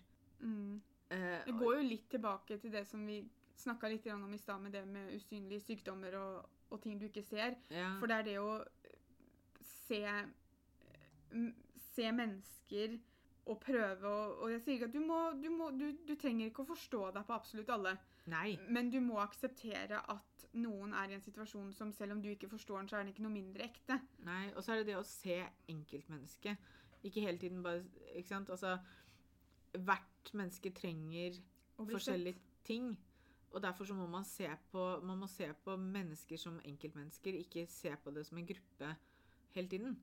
Ja, og der, der har vel vi kanskje litt erfaring med det at vi har vært tvillinger. Ja. Mamma og pappa har vært veldig flinke der. For vi har jo vært borti tvillinger som hele tiden blir kalt tvillingene. Ja. Tvillingene ditt og tvillingene datt. Mamma og pappa har vært veldig bevisst på at vi er to forskjellige folk. Mm. Eh, og vi har, selv om vi har de fleste interessene til felles, og sånne ting, så har vi fortsatt vært to individuelle folk. Um, og jeg tror tvillinger kan være et fint eksempel her, for veldig ofte så kan de bli slått over én kam. Mm. Ikke sant? Du har Jens, Ole og så tvillingene. Ja. Istedenfor at tvillingene er fortsatt to personer, de òg. Mm. Eh, så, så det er jo bare ett eksempel. Men det er, du trenger jo ikke være tvilling for å trenge å bli sett. Alle trenger Nei, nei. å bli sett og, og bli hørt innimellom. Vi har lært at eh, gambling ikke er for oss. Eh, og altså Og det er sånn morogambling. Sånn Ja. eh, poker for moro skyld sammen med bestefar når vi var ti år. Ja, for Pet Petter Bestefar lærte oss eh, poker ganske tidlig når vi var på hytta om sommeren og sånn. Eh, og så spilte vi med tiåringer. Eh, fordi det ble tydeligvis mye mer spennende når man spilte for penger. Altså det, det var, da hadde jo tiåringene gått ut, så Ja. vi hadde jo bare tatt vare på dem for vi skulle bruke dem til eh, spill. Og, og til og med da så takla ikke jeg og Pia presset om å spille med, om penger som ikke var gyldige engang. Um, for vi tørde aldri liksom å satse noe som helst. Vi var liksom Altså Vi tok ikke sjanser. Vi hadde ikke lært det å ta sjanser ennå. Nei. Eh, Så det var liksom sånn Bestefar måtte liksom forklare oss at ja, OK, du har et Du, du hadde ikke noe par nå, men ka- bløffing, liksom, det er også en ting. Eh, Det klarte vi i hvert fall ikke. Eller Nei. hvis vi spilte hva det heter, blackjack, er det det som er sånn 21-greier? Ja. Ja, for det var sånn, jeg og Guro stoppa på to- 12 og 13 og sånn, og vi tørde ikke å be om et kort til, og bestefar bare, dere er jo milevis unna. Så vi hadde ikke gjort oss noe Altså, det hadde ikke vært positivt å være i Vegas, for å si det sånn. Eh, vi hadde vært de som alle sammen så på som bare sånn OK, de her vinner vi mot. Null problem. De unge kan ikke alltid få skylda. Og det her er en sånn ting som man har sett litt sånn nå de siste åra. Fordi de eldre generasjonene er veldig kjappe til å si det at ungdommen er så gærne, og ungdommene gjør så sånn, og ungdommen gjør sånn og sånn. Noe du hører veldig ofte er ungdommene er så gærne, de blir så ville når de drikker. Ja. Har du sett voksne mennesker drikke, eller? De er jo gærne, de òg. Ja, og nå, nå tenker vi, når vi sier unge mennesker, så tenker vi liksom Når vi snakker om drikking, så tenker vi jo da over drikkealder, men eh, ikke sånn La oss kalle det gamle mennesker. Eh, La oss kalle dem under 30, da. ja. Eh, men altså, et veldig fint eksempel på det her er jo en sak som dukka opp i nyhetene nå for ikke så veldig lenge siden, når vi spiller inn den her, om en sel som hadde klart å forville seg opp på veien. Mm. Eh, hvor det står masse godt voksne mennesker som driver og pirker borti denne selen og tar bilder og filmer og ordner Altså, de, og de voksne sto med pinner og pirka på selen for at selen skulle snu seg mot dem eller gjøre det de ville. Ja. Og det var ingen som tenkte på å flytte selen ut av veien. Nei. Og så kom det da en, en ung mann, eh, jeg tror han var 13 eller 15 eller hva det var han var, 13 år, tror jeg han var. ja, som eh, tenkte at denne selen skal ikke være på veien. Nei. Eh, så han plukka opp selen og bærte den bort til vannet. Eh, tok tak, og det skal han ha. Eh, og, så det er sånn at eh, Igjen så føler jeg at Og det samme gjelder jo med korona. ja, I begynnelsen så fikk jo veldig øh, Fordi at ungdommen drev og festa, og ungdommen Mm. drev og samla seg. Og, og vi sier ikke at ungdommen alltid er uskyldig, Nei. eh, men Vi sier at det, de man kan ikke gruppere det. de f- får skylda for mye rart som, som voksne faktisk til tider kan være mye verre på. Altså, man, eh, man skal ikke se en hel generasjon eller en hel aldersgruppe og tenke at alle er like. Nei. For sånn er det ikke. Det er, det er liksom Altså, når vi først er inne på det med korona, da, så så vi jo nå liksom det at når det blir strengere og strengere ikke sant? Altså, Du skal holde avstand i butikken, du skal bruke munnbind. Eh, de jeg ofte ser uten munnbind, og som står klin oppi deg i køen, er eldre mennesker. Ja. Og gjerne da eldre mennesker som blir sinna på deg fordi at du står oppi dem. Mm, Og så bare sånn Ja, men jeg står først. mm. Jeg kan ikke, jeg kan ikke styre noe mer. Når, altså, Jeg har ikke øynene i nakken, liksom. Nei. Du må jo holde avstand til meg. Uh, så det er Man skal ikke si at alle ungdommer er uansvarlige, men man skal heller ikke si at alle eldre er uansvarlige, for det er ikke det. Nei. Men man kan ikke man kan ikke se på en generasjon eller en aldersgruppe og si det at sånn er alle. For så- det er det ikke. Til syvende og sist så var ikke sport noe for oss. Jeg og Pia vi har prøvd oss på Jeg må jo si vi har prøvd oss på litt sport. Knippe sport har vi. Vi, vi begynte på håndball. Da var vi sånn seks år, og pappa sa det at det var helt håpløst.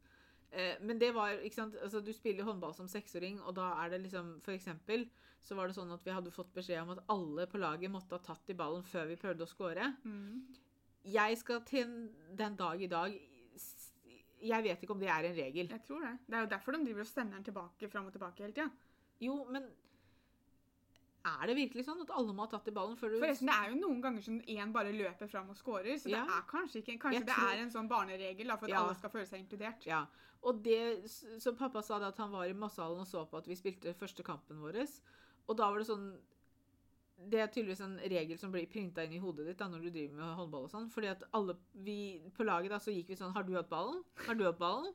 Så det, du- det ble mer prat da enn spilling av håndball, og andre laget gjorde jo akkurat det samme. Vi gikk jo på turn en periode òg, men det, det gikk vi vel faktisk på en liten stund, tror jeg. Men det husker jeg jo ingenting av, for da må vi ha vært ganske unge. Jeg husker lukta inni den der salen, og så husker jeg de Ja, der rosa, ja, så husker jeg de rosa draktene. Ja. som vi hadde på oss.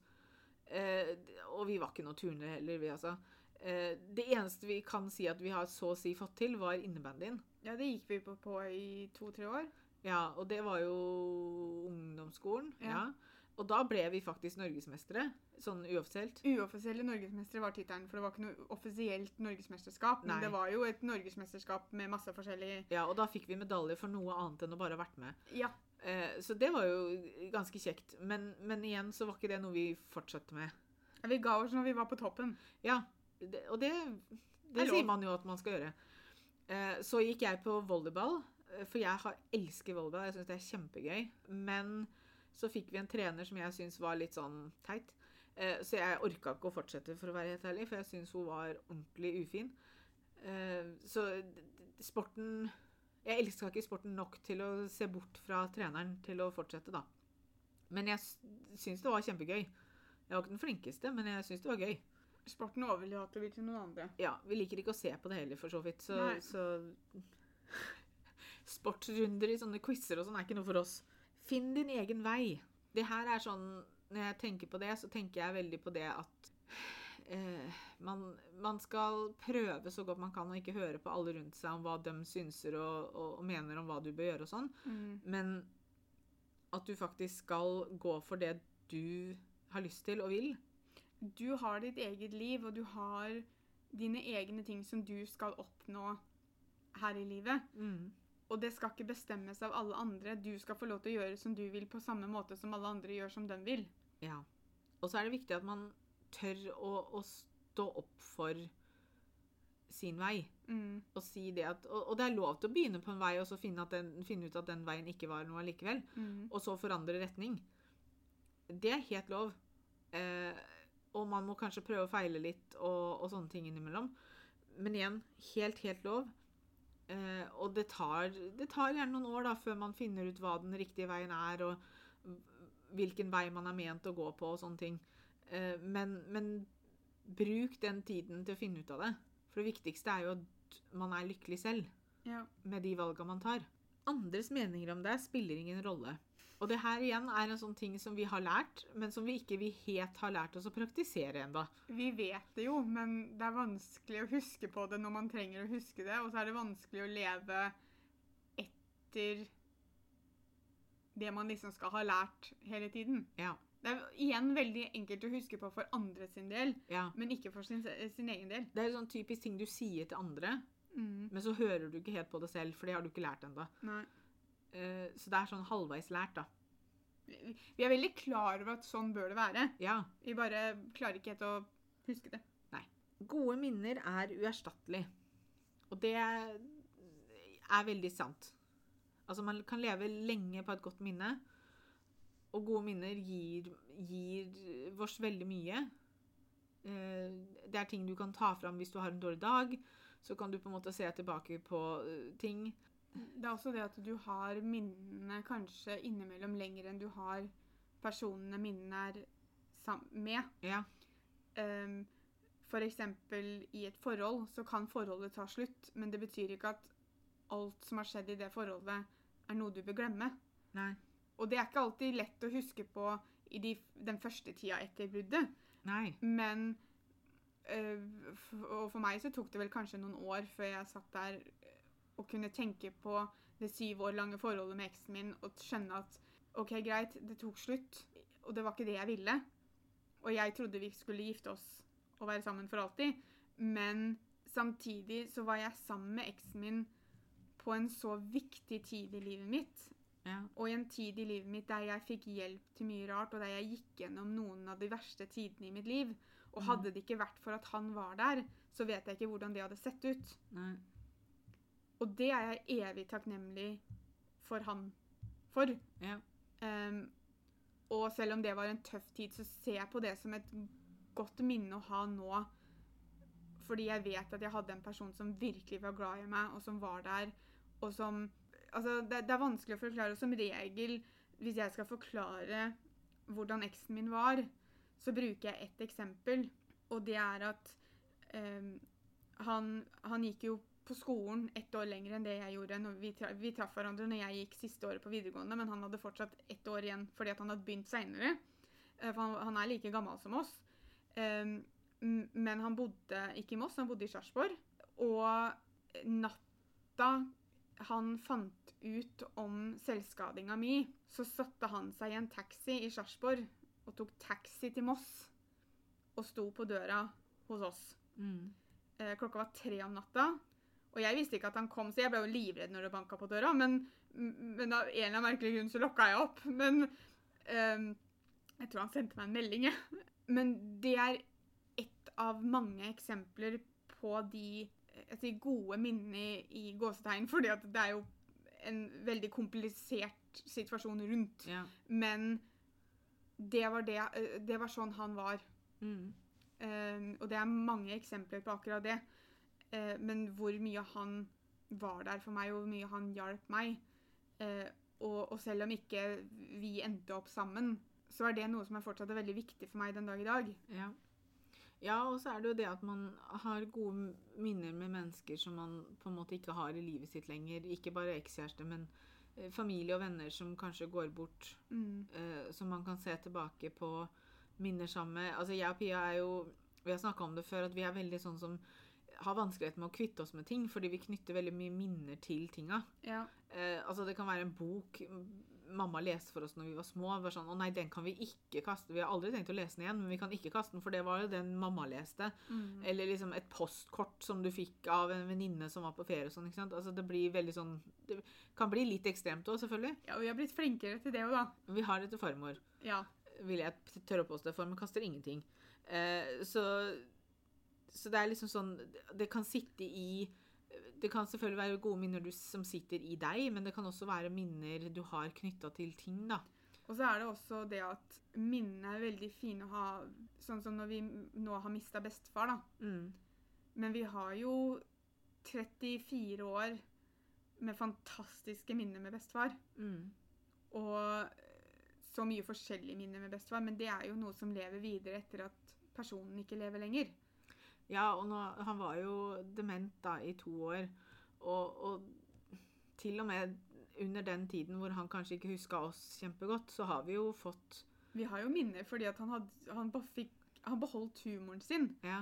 Så han dreiv jo og tulla og var jo veldig koselig og hyggelig mot oss, selv om han ikke nødvendigvis helt nøyaktig visste hvem vi var. Nei. Så var han veldig varm og velkommen mot oss allikevel, for det var sånn han var mot alle. Ja.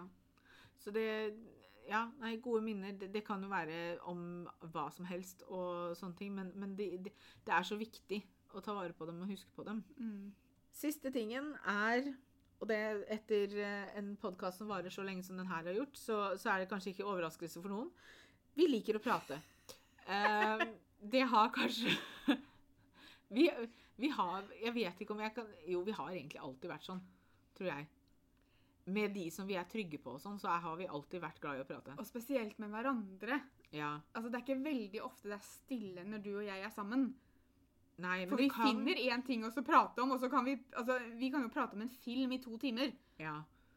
Uh, Vi kan også sitte i helt stillhet. mm, Og ikke at det er noe ubehagelig eller noe sånt når vi bare slapper av sammen, liksom. ja. Men, men vi er glad i å prate. Ja. Uh, Kanskje det er noe av grunnen til at vi valgte å starte podkast i tillegg til alle YouTube-videoene vi sitter og prater i. Så er kanskje Vi måtte ha ett utløp til å prate på. Ja. Eh, så Men det er lov, det, til å synes at det er gøy å prate. ja. Det, Så lenge man har noe å prate om, så er ellers det bare å prate i vei. podkastene vært veldig kjedelige da, hvis ikke vi hadde likt å prate. med det. Ja, det, det hadde blitt litt vanskelig. Men det var 36 ting som jeg og Pia har lært oss på 36 år. Vi eh, håper dere også har lært noe i denne podkasten. Eller kanskje det, det her får dere til å tenke hva dere har lært opp gjennom livet deres. Dere har i hvert fall kanskje lært noe nytt om oss, da. Ja.